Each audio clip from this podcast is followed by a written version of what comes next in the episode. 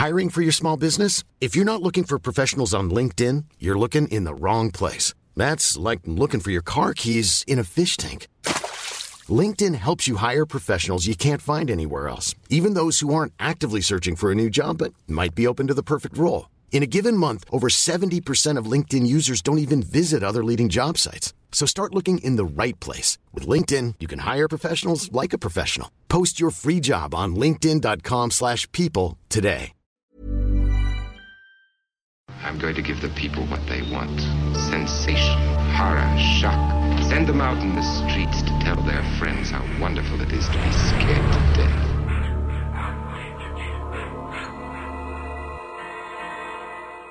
Välkommen till Skräckfilmscirkeln.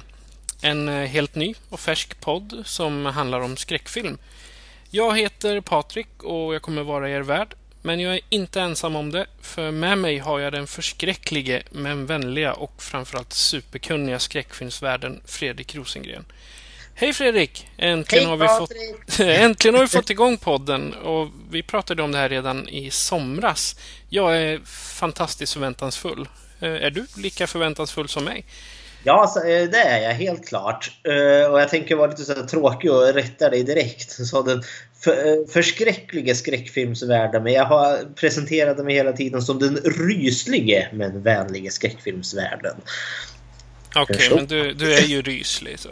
Jag är ju det och väldigt vänlig trots allt. Ja, precis. Ja, hur har sommaren varit?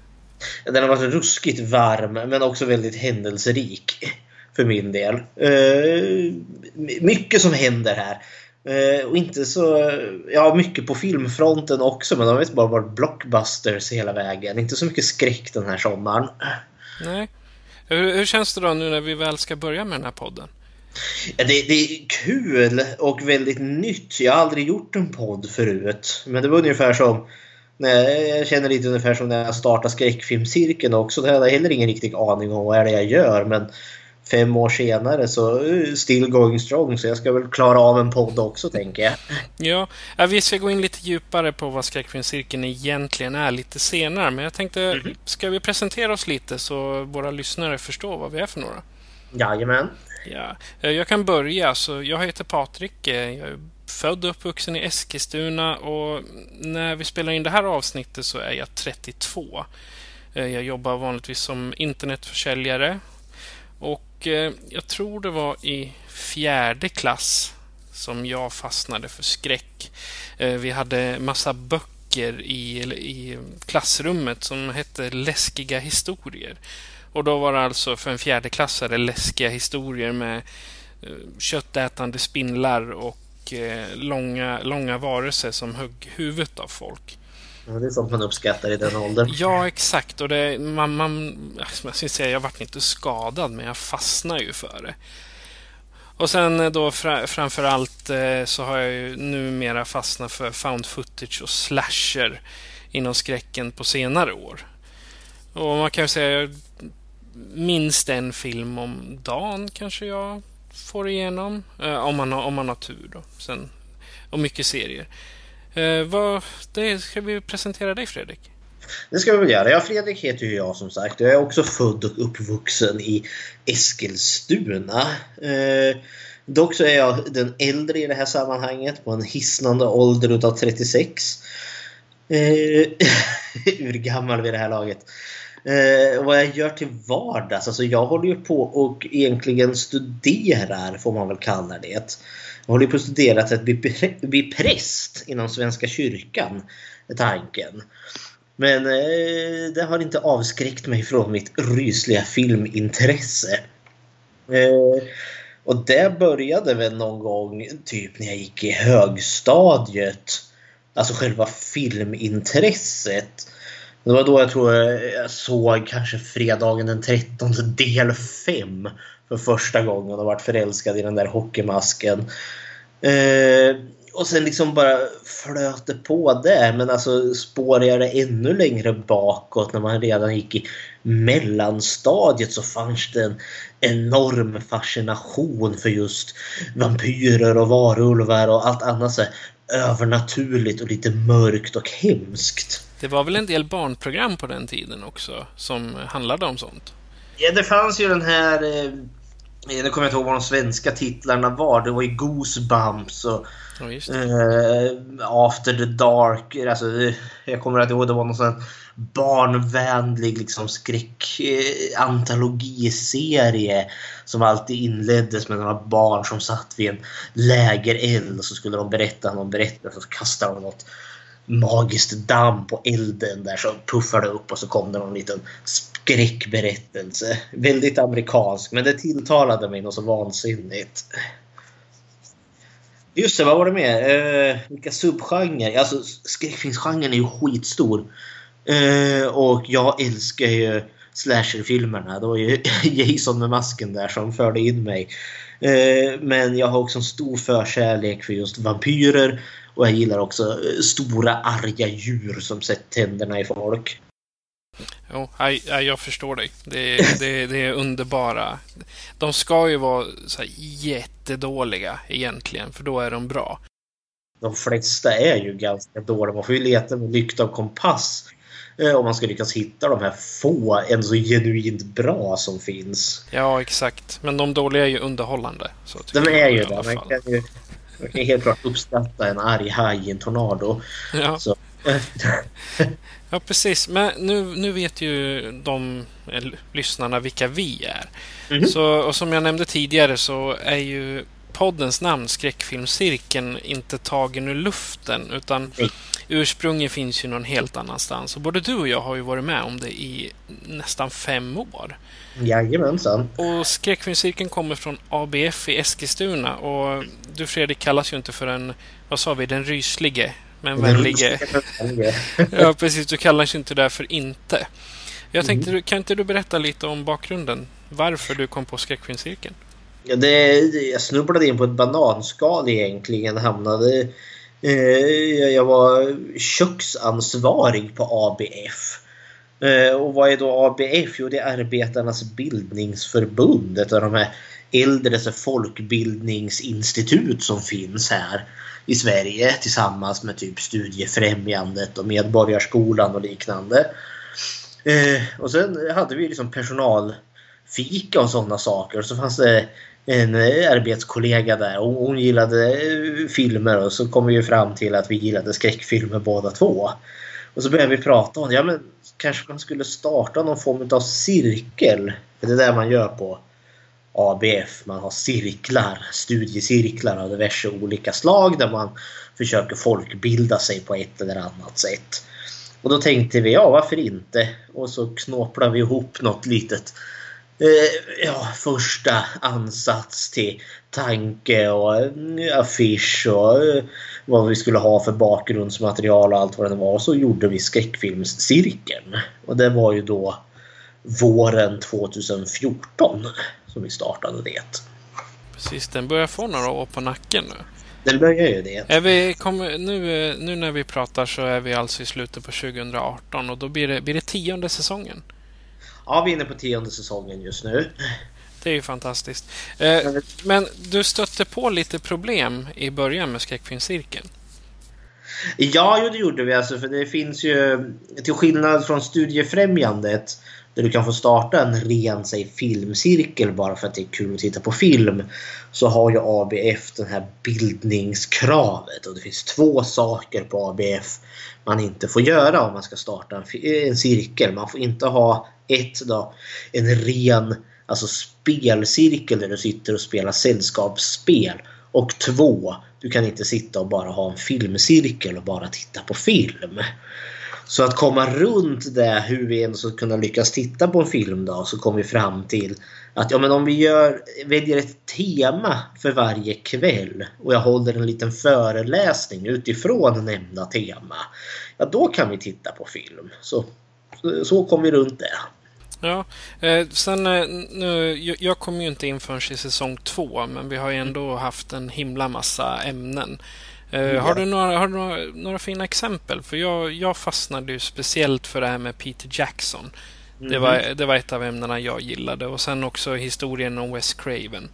De, de föreläsningarna var underbara för det är ju det är viktiga personer i eh, skräckfilmshistorien så att säga.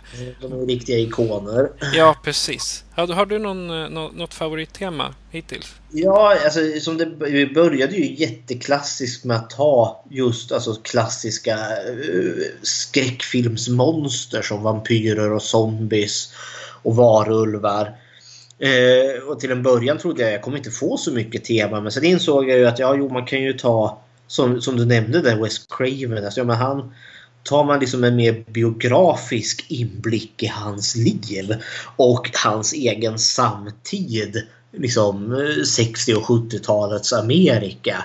Och då, fick, då blir det ju folkbildande för det är historia helt enkelt. Men jag måste nog tänka mina absoluta favoriter måste nog vara egentligen absolut första som vi hade. Eh, så vi, I regel är det de teman som man egentligen inte tror kommer funka som är de roligaste. Som när vi hade tema stumfilm. Vilket jag tyckte var helt fantastiskt. Ehm, men sen eh, självklart eh, har jag gillat eh, när vi gjorde om Jamie Lee Curtis. Den tyckte jag om. Våran drottning. Våran drottning. Och sen självklart när vi... Våran, eller åtminstone min solklara favorit och en återkommande förlur under hela skräckfilmscirkeln. Det är ju regissören Alfred Hitchcock. Han liksom vilar som en liten husgud över skräckfilmscirkeln. Ja, precis. Också en gigantisk ikon framför allt. Mm. Det är så, nu, de tre kommer jag på sådär rakt upp och ner men vi börjar ju närma oss typ 100 avsnitt eller 100 cirkelträffar vid det här laget. Så det är en hel del. Ja, precis. Men, och det, det tar ju aldrig slut heller. det gör ju inte det. För det var väl för två år sedan, eller ett och ett halvt år sedan, när du tyckte att Nej, men nu, nu ska vi lägga ner cirkeln för det finns inget mer att behandla. Mm. Och då kom ju vi, vi deltagare på att ja, men, kan inte vi få föreläsa? Jo, och det, plötsligt tog cirkeln en helt ny eh, nivå. Eh, för att det, det var ju lite arbete bakom varje cirkelträff också. Eh, men sen just när ni valde, när jag kom eh, och hintade lite om att eventuellt lägga ner skräckfilmscirkeln. Så kliver ju ni, mina, eller mina, nu ska du få men cirkeldeltagarna in och började ta över och göra liksom träffar och kvällar. Det var ju jätteroligt för då dök det ju upp eh, ämnen som jag inte har tänkt på ens en gång som Slenderman och Darknet dök upp. Eh, och någon som hade nördat in sig på just skräckfilm från Nya Zeeland. Ja, ja alltså, eh, det tog sin lilla twist. Ja, fast det, det, är kul också för eh, alla, alla vet ju egentligen inte bara för att man säger skräckfilm från Nya Zeeland, ja visst det kan vara en nyzeeländsk direktör eller producent. Men mm. kommer filmen därifrån eller är det bara något tema inspirerat? Och ja, framförallt Darknet var ju väldigt intressant eftersom den handlar om Deep Web. Jajamän. Och man tänker ju inte, det finns ingen skräck där, bara massa lönnmördare typ. det är väl skräckenjagande om något. ja, i, i och för sig. Och sen de, de, den antologin vi fick se då var ju riktigt läskig. Mm. Ganska så här absurd. Det var inte sådär Netflix exclusive. Nej. Nej, det var inte det. Ja, sak samma. Ja, jag, jag minns inte. Extremt underhållande. Ja, precis. Uh, men jag tycker det är en helt fantastisk eh, grej som du skapade med skräckfilmscirkeln. Och jag tänkte med, eh, med den perfekta presentationen och jag hoppas ju alla förstår vad det innebär att ha en sån här cirkel. Så tänkte jag inspirationen till den här podden, den, eh, det är ju lite utav, det är mitt fel kan man väl säga. I, I somras så satt, vi kanske ska säga att jag ska hålla föreläsningar nu under eller en föreläsning nu i höst. Och Då ska jag prata om The Hysteria Continues. En, mm. eh, också en podd, eh, eller podcast som någon säger. Ja, precis. Med fyra killar som sitter och diskuterar slasherfilmer. Mm. Alltså den är beroendeframkallande, eller har jag fel? Nej, nej, gud nej. Jag är i fatt. De börjar väl närma sig typ 170 avsnitt och jag har lyssnat på samtliga. Ja, jag har, jag har lyssnat på de senaste 20 stycken och sen håller jag på och jobbar mig bakifrån och framåt. Nej, men det, det, det, är så underbart för de är, de är så genuina. Liksom, Det är de ju. Ja, och när jag pratar med dem då frågar jag pausar ni och klipper någon gång? Nej, så. Vi pratar så länge. De kör på. ja, Ja, nej men alltså, de är så härliga för de känns så, som du sa, de känns så genuina. Men sen är de också, Eh, de kan både älska liksom se alltså en genuint bra skräckfilm men sen också det som faktiskt är dåligt med dem. Precis som du sa, man kan älska en dålig skräckfilm. Alltså, jag menar, skräck, det har du ju verkligen en varieté utav. Alltså, genuint bra och genuint urusla filmer precis. Mhm. Eh, och jag presenterar ju det här med studiecirklar för, eh, för eh, ja, alla, alla fyra dem när jag pratar med dem. Mm. De, de saknade sånt i USA. Ja, Ja, och, och England då, och Irland som de kommer ifrån. De hade inga, inget riktigt sånt och de sa ju att det där får du gå till en skola för att läsa. Eller typ så här vuxenutbildning. Sånt, de hade inte det här som, som vi gör liksom för skojs skull. Ja, alltså där. Ja, Ja. det är hepp. Ja, precis. Nej, men för, för, för när jag hittade dem första gången och lyssnade, då tänkte jag liksom ah, tre stycken full, fulla killar. För i första avsnittet var de ju bara tre. Ja, jo, det var Tre-. Ja, precis. Tre stycken fulla killar som sitter och diskuterar film och de lyckas få det publicerat. Mhm. Jaha, ja, ja, ja. ja men jag lyssnade väl vidare då. Det var lite kul. Och så, så fortsatte det och fortsatte det och helt plötsligt var man fast. Oh, ja. För, för sen, man, man får ju också idéer om vilka filmer man vill titta på. Det är det som är så fantastiskt med The Hysteria Continues. Mhm. Och framförallt att de är så kunniga.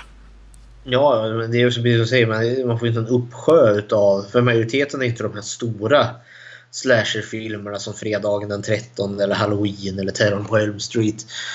Utan det är- de är jättemånga av de här obskyra filmer som jag aldrig hört talats om. Men, eh, som är svåra, men många tenderar att ligga ute på Youtube. Eh, det är en riktig kulturskatt man hittar där av fantastisk B-filmer som helt enkelt har berikat mitt liv. Nej, jag, jag är väldigt nöjd med The Hysteria Continues. Ja, och framförallt intervjuerna med alla producenter och skådespelare. Och, jag menar, på den tiden, det är ofta 80-talet och 70-talet de är inne på. Menar, du, du spelade in en film på 15 dagar för en budget på kanske 5000 dollar. Ja, det... Och det, det var ju någon, jag kommer inte ihåg om det var en producent eller en skådespelare, men de, fick fortfarande pengar eh, hem en gång i månaden för en film de spelade in på 70-talet.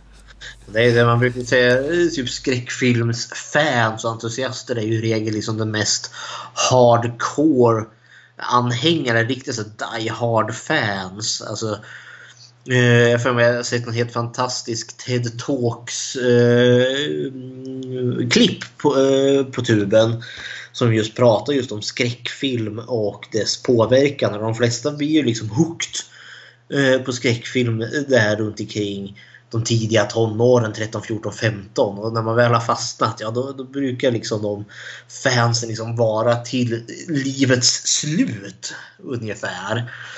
Det är ingenting man liksom växer ifrån. Eh, och det är ju därför jag tänker sådana här bolag som 88 Films och Vinegar Syndrome och Arrow Video som bara liksom restaurerar så här gamla 70 och 80-talsfilmer. Alltså de är ju skitpopulära och varför det? Och vad är deras största repertoar? Ja, det är ju typ skräckfilmer hela, hela högen. Ja, de, de, de köper in en film för kanske, ja, säg 100 000 dollar och sen eh, så säljer de skivorna för ja, någonstans runt 400 kronor styck efteråt. de är jättedyra. De är ju det. Men det, de är glorious och fantastiska och jag försöker samla på mig allihopa. Ja, precis. Det, som, som samlare som vi är så blir vi ju ruinerade på grund av, på grund av de där. Men sen är, så finns ju också, det säger de alltid i Hysteria Continues, att jag hoppas innerligt att det inte blir en remake. Och då kan Ja. man ta som exempelvis Happy Birthday to Me eller Ja. eh, The, The New York Ripper. Man vill inte ha några remakes för då blir de, de blir för bra. För ofta i remakes så får de ju mycket mera pengar att göra dem för. De får ju det och det, jag tänker liksom ett bra exempel tycker jag det är ju fredagen den 13 och sen eh, originalet från, ja vad är den, typ 80 är väl första filmen. Och så kom ju remaken 2009 där. Och den var väl kul men den kändes liksom verkligen fabrikerad. Liksom, nu skulle vi sätta liv i fredagen den 13 franchisen i en och det är liksom ganska tomt och innehållslöst. Det som var så kul med de här gamla filmerna det var liksom bara borta på något vis och vänster. Ibland är less is more. När Sean Cunningham heter väl han som gjorde första fredagen som inte hade så jättestor budget utan och med ganska okända skådisar. De fick liksom uppfinna filmen och eh, den tidiga slasher-genren där på plats. Så då det fanns det liksom en kreativitet där som inte finns i remaken 2009. Ja, för jag, jag kollar på IMDB nu och eh, fredagen den 13 hade ändå ganska hög budget för den hade en halv miljon dollar i budget. För, ja, för den eller remaken? Ja, remaken har säkert ännu mera. Ja, den har säkert minst 10 om inte mer. Ja, ja men det...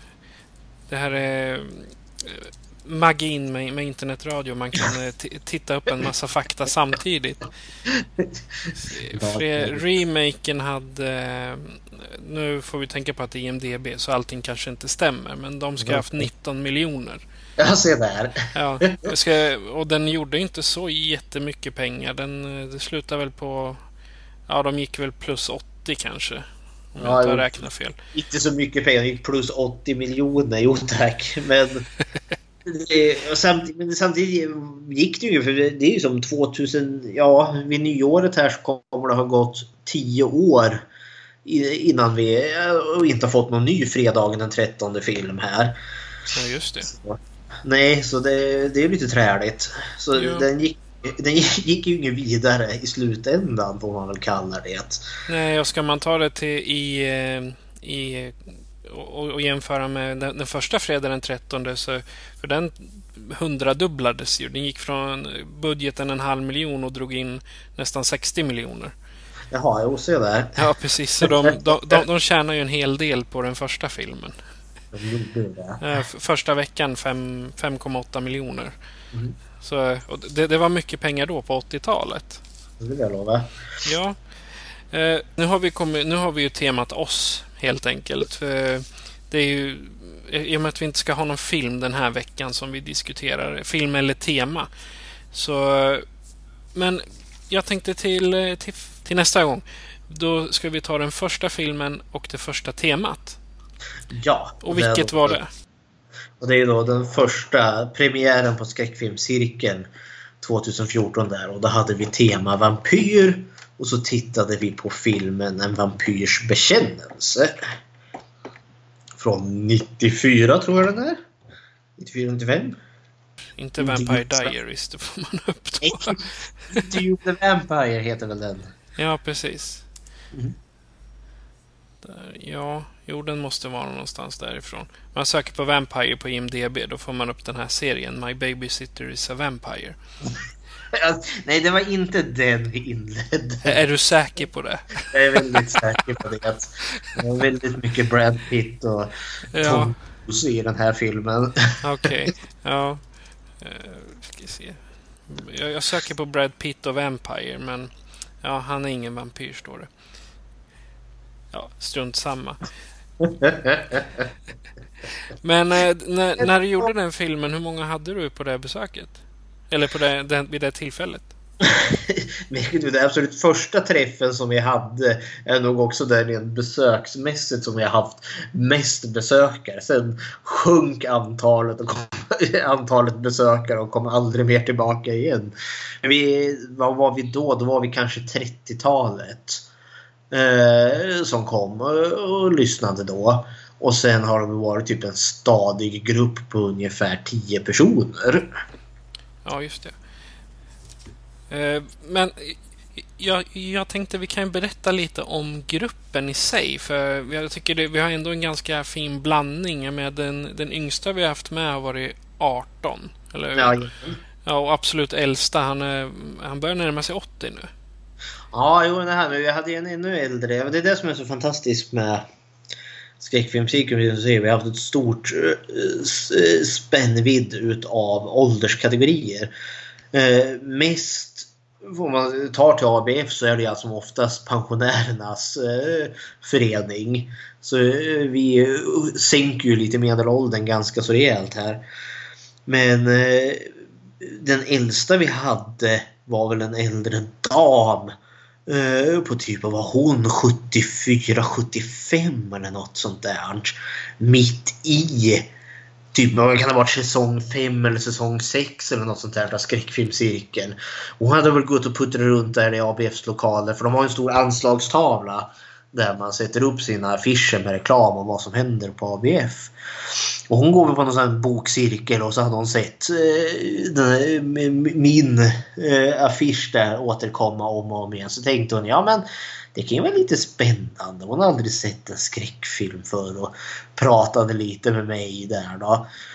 Hon var ju självklart välkommen och så valde hon att komma eh, på en dag då vi hade tema Frankrike, alltså fr fransk skräckfilm. Just det, Switchblade Romance där ja, Så hade jag valt Switchblade Romance som den kvällens film. Och jag var alldeles kallsvettig för jag tänkte där för lilla tanten som kommer. Oh, jag är lite nyfiken på skräckfilm och det är som Switchblade Romance. Eller Haunted Tension eller vad det nu heter på originalspråk. Det är ju skitvåldsam och så in i bängen blodig. Och hon var verkligen genuint upprörd lilla damen efteråt. Så jag tänkte shit, ja jo. Eh, hon kommer väl aldrig tillbaka men hon var, hon var med i typ två säsonger. Ja, hon kom lite då och då. Ja, hon gjorde ju det. Eh, så, så det var lite kul. Men annars liksom våran äldsta och längsta deltagare. Eller ja, det, ja han är längst. Ja, han är, han är ganska lång han också. Men jag tänkte det att han har varit med eh, nästan sedan start. Då. Vad är han? Han är väl typ 64, 65 eller något sånt där. Still going strong. Han är så rolig för han sitter ju och berättar om sina öden och äventyr. Liksom på hans tid var det ju Dracula och Frankenstein som gällde typ Hammer Horror på 60-talet. Hur han sprang omkring med masker i stadsparken och skrämde folk. Men det är som jag sa innan där om att ja, men, eh, skräckfilmerna har i regel sina mest hängivna fans. Jag menar, han har hållit på sedan han var tonåring och nu börjar han närma sig pensionärsålder och still going strong. Ja, precis. Ja, men, men jag ser på oss, vi är ändå halvvägs till pension som man säger. vi är halvvägs Ja, vi har hållit på, vad kan det vara, 20 år var, 25 år var och, och gillar att bli rädda och skrämda. Jajamensan. Ja, det är ju knappt som man blir skrämd. Åtminstone jag, väldigt sällan jag blir där numera. Jag är väldigt avtrubbad känner jag. Men det är fortfarande någonting i genren som lockar. Man kan ju tycka liksom att när man har sett så mycket skräckfilm så att man har avtrubbat så att filmerna inte skrämmer längre. Ja, då borde man ju tröttna på filmerna. De borde ju inte ge någonting. Men skräckfilmer har något mer lite så svårdefinierbart att sätta fingret på tycker jag. Det är liksom bara någonting som lockar eh, i konceptet eh, än vad säg andra genrefilmer gör. Så ja, nej, eh, eh jag kommer antagligen sitta på ålderdomshemmet sen där och när de tycker gubben Fredrik blir jobbig så får de klämma på någon blodig film så är jag väl lugn sen.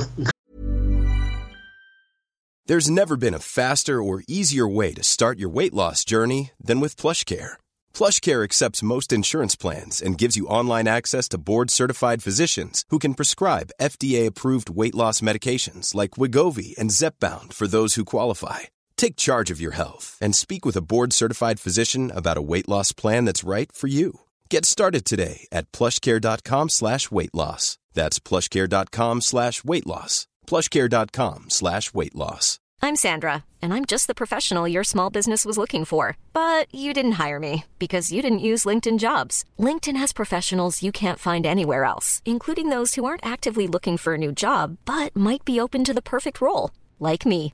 In a given month, over 70% of LinkedIn users don't visit other leading job sites. So if you're not looking on LinkedIn, you'll miss out on great candidates like Sandra. Start hiring professionals like a professional. Post your free job on linkedin.com slash people today. jo, nej, men jag håller med dig. Jag blir inte så direkt rädd för filmer längre heller.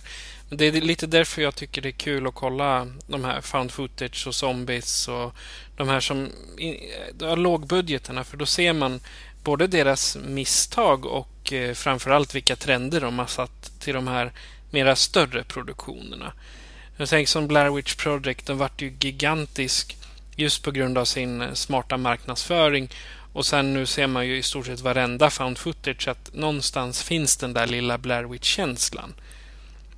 Ta Cloverfield exempelvis. Den är ju jättestor produktion. Men det är fortfarande det här att de blir jagade av någonting som de inte vet vad det är och så blir det en intrig. Och sen måste de rädda någon och sen slutar det med att alla blir jättedåliga.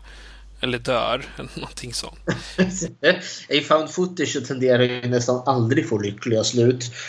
Men det tänker jag nu när du nämner found footage också något som man får ge till just skräckfilmer är ju att den genren tenderar alltid att uppfinna sig själv på nytt med jämna mellanrum. Ja, precis. Är, nu är det bara found footage jag kommer på där då. Men jo, eh, och innan found footage så var det ju den här nästan splatter, Eh, våldsporr eran med så Hostel och liknande filmer. Det som är kul med skräckfilmer är att det så tydligt går att se eh, vad heter det, moden. Vad är populärt just inom eh, skräckfilmen just då. Det måste ju koppla till någonting av det behov som finns i samhället. Som tidigt Eh, 80-tal då vi hade slasherfilmerna då Michael Myers och Jason liksom högg vilt och alla jäkla kloner på sådana filmer. Eh, och sen på, mitten på 80-talet in på 90-talet då var det skräckkomediernas förlovade era. Och sen var det verkligen en mörk period där ett litet tag. Och sen kom Scream och satte igång med typ 90-tals teen slashern. Eh, och sen kom så, eh, mord och blod och sen kom Ja, Blair Witch kom ju mycket tidigare men det var väl Paranormal Activity som verkligen kickade igång found footage eh, genren. Och nu lever vi. Det, det, blev mainstream då liksom. Det. Och sen har vi ju haft nu typ The Conjuring-universat här med Nunnan, den Ann som har premiär här nu. Eller har väl haft premiär till och med. Vi får väl se här för nu. Jag, jag lever i hoppet om att vi får någon ny eh, slasher-boom här då med den nya Halloween-filmen. Som John Carpenter eh, har gjort här nu. Att den, eh, vi kanske får samma effekt som där 78 när den kom. Att nu, nu kommer de maskbeklädda mördarna tillbaka. Ja, men det, det, det var lite som med Scream när den kom. För då var det en maskbeklädd mördare som högg ihjäl attraktiva ungdomar. Då, det kan man ju kalla 90-tals-slashen. Så nu kanske 2000-tals-slashen kommer då 20 år senare. Ja, det skulle ju vara awesome. Ja, precis. Så då börjar man 80-tals-slasher, 90-tals-slasher och sen 10 år som det blir liksom någon form av ja, ja, våldsporr-era. För det, det, det, är mycket sånt. Jag, jag, kallar det för skit för jag tycker inte det, det är inte läskigt, det är bara obehagligt. Men sen då efter 2018 så kommer det vara liksom slasher-era igen. Det skulle vara awesome. Ja, exakt. Det är nog en önskan vi delar. Jajamän, så jag menar innan innan, innan slashen så hade du den italienska jallon. Eh, och innan den så hade du den tyska krimin och då är vi inne på 60-tal. Eh, 60 och tidigt, eller slutet på 50-talet. Så behovet av de maskbeklädda mördarna som har knivat ihjäl folk till höger och till vänster, det har funnits ja, nästan sedan ja, andra världskriget i alla fall. Så det är spännande. Och ska man riktigt nörda in sig då kan man ju gå ännu längre och typ titta på Agatha Christie och Sir Conan Doyle. Liksom deras mordhistorier med som Miss Marple eller Sherlock Holmes löser. Det är också jakten efter en eh, anonym mördare där. Ja, nej, nu, nu ska jag inte spåra iväg. ja, men det, det är där den här podden kommer att vara till för. Det spåra så mycket som möjligt. Det är där jag tycker det är kul att sitta.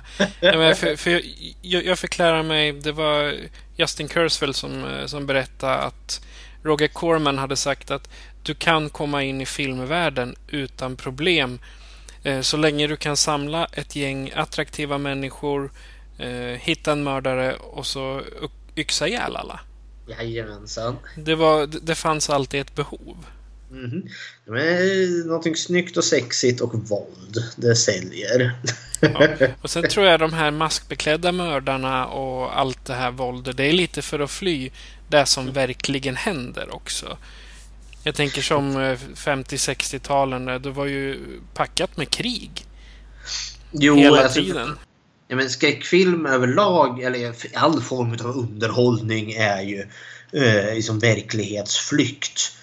Med, med, med, för jag tänker liksom som populärt nu är ju alla superhjältefilmerna Avengers, Marvels, eh, Batman och, och, liknande. Och där har du ju liksom så här maktfantasin, the power fantasy liksom där du som enskild individ kan liksom ta kampen mot det här stora hemska. Eh, och då kan man ju undra vad är det som är lockelsen med skräckfilm då? Då det egentligen eh, huvudpersonerna är ganska svaga i förhållande till hotet som dyker upp. Vare sig det är en massbeklädd mördare, en vampyr eller varulv eller vad sådär. Eh, men det är ju att skräck allt som oftast handlar väldigt mycket om döden och eh, det är ju ett sätt att liksom närma sig detta stora som vi inte vi kan kontrollera för fem öre.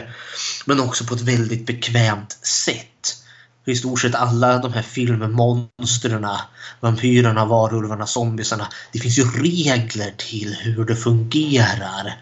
Eh, men zombie, du får inte bli biten för då blir du den. Och ska du ha ihjäl någon så ska du ha sönder hjärnan.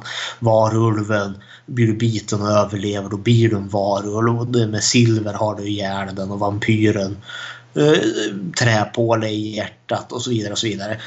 Det är liksom ett sätt för oss Eh, när jag spekulerar hej vilt eh, att skräck är intressant för att det är ett sätt för oss att kunna fly den läskiga verkligheten och tanken om döden men också att kunna handskas med döden på ett hanterbart sätt.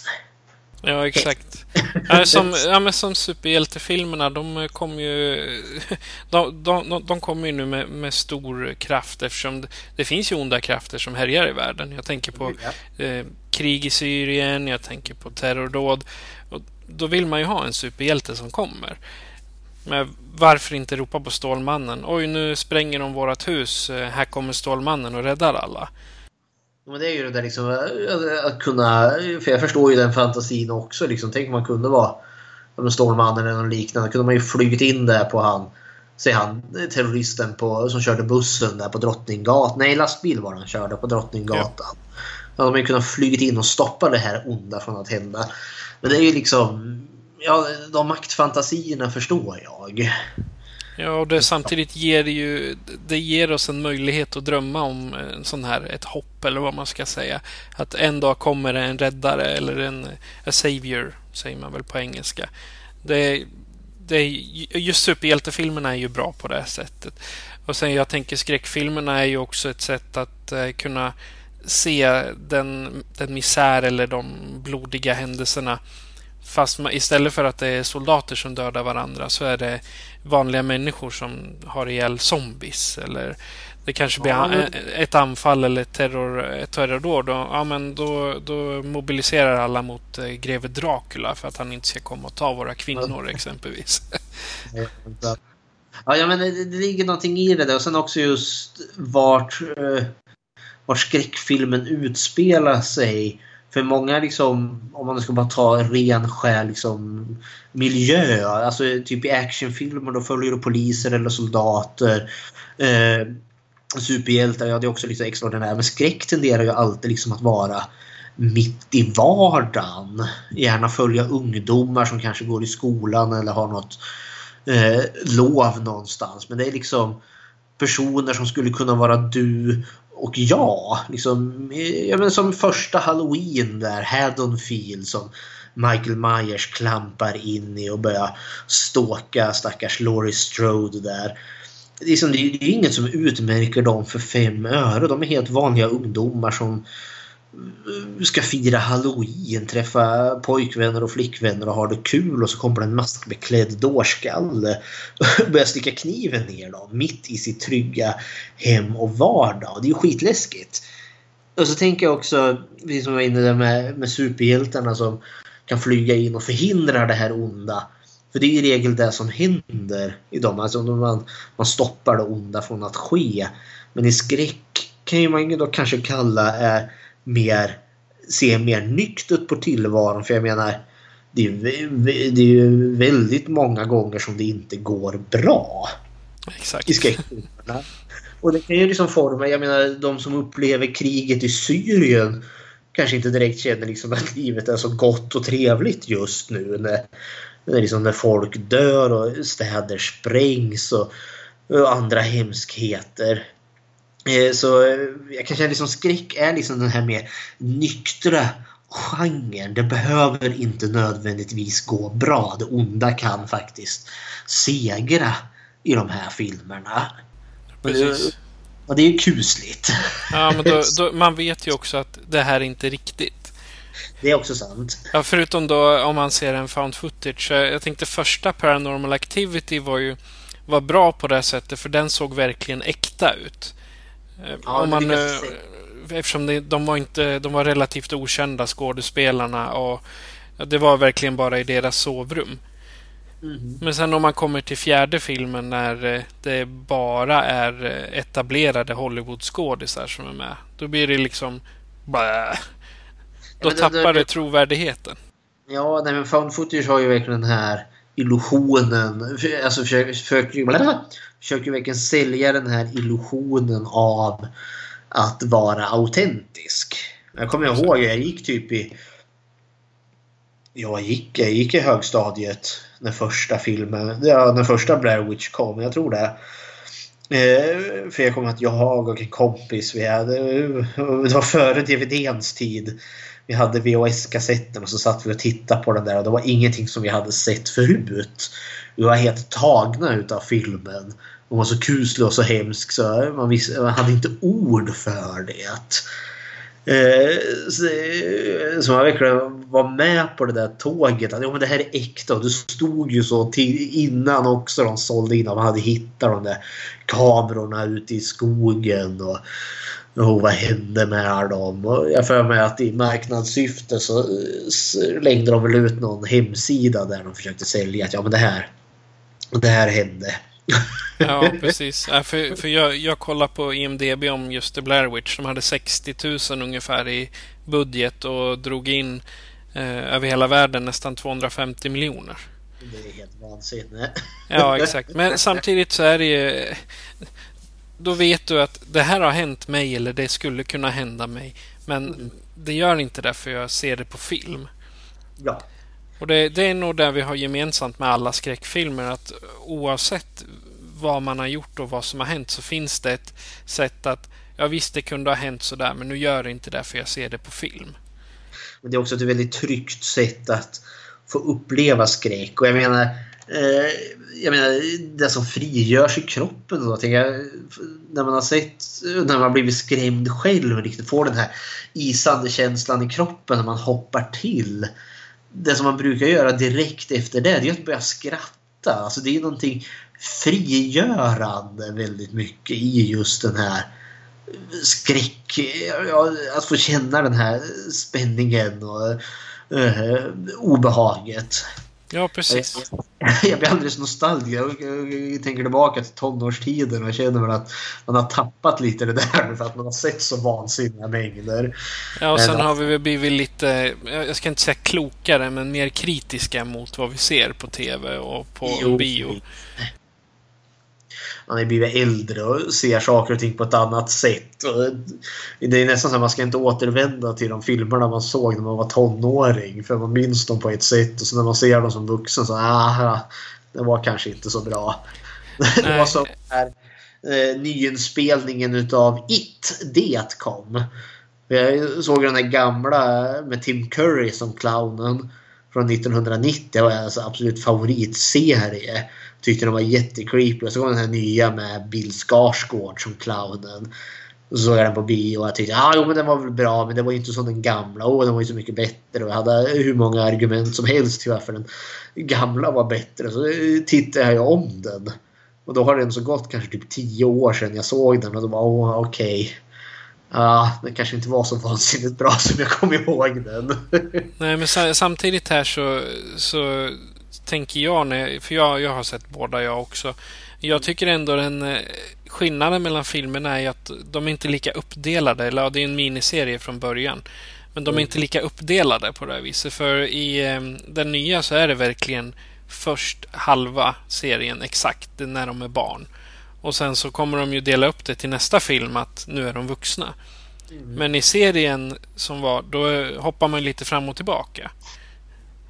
Ja, jo, det gör man ju. Och det, det, det, tycker jag blir mer genuint än vad det blir om man de, verkligen delar upp dem i två kakor så att säga.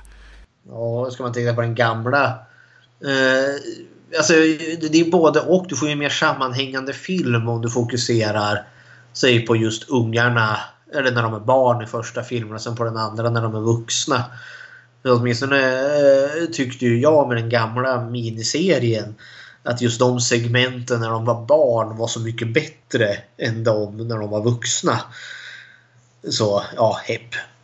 Ja. Jaha, nu har vi totalt spårat. Jag skulle introducera vad nästa tema var. Ja, precis. Ja, men det, här, det här är exakt vad, så, så som jag vill att, att vi ska kunna ha.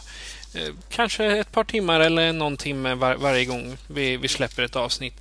Att kunna få en, en bred vy Liksom, för som när vi har våra teman, det är väldigt, väldigt sällan man håller sig till just, ja, vi, vi, säger nu vampyrer, men det kanske blir att man pratar om platsen de spelar in och sen vilka tänder de använder. Ja, jo.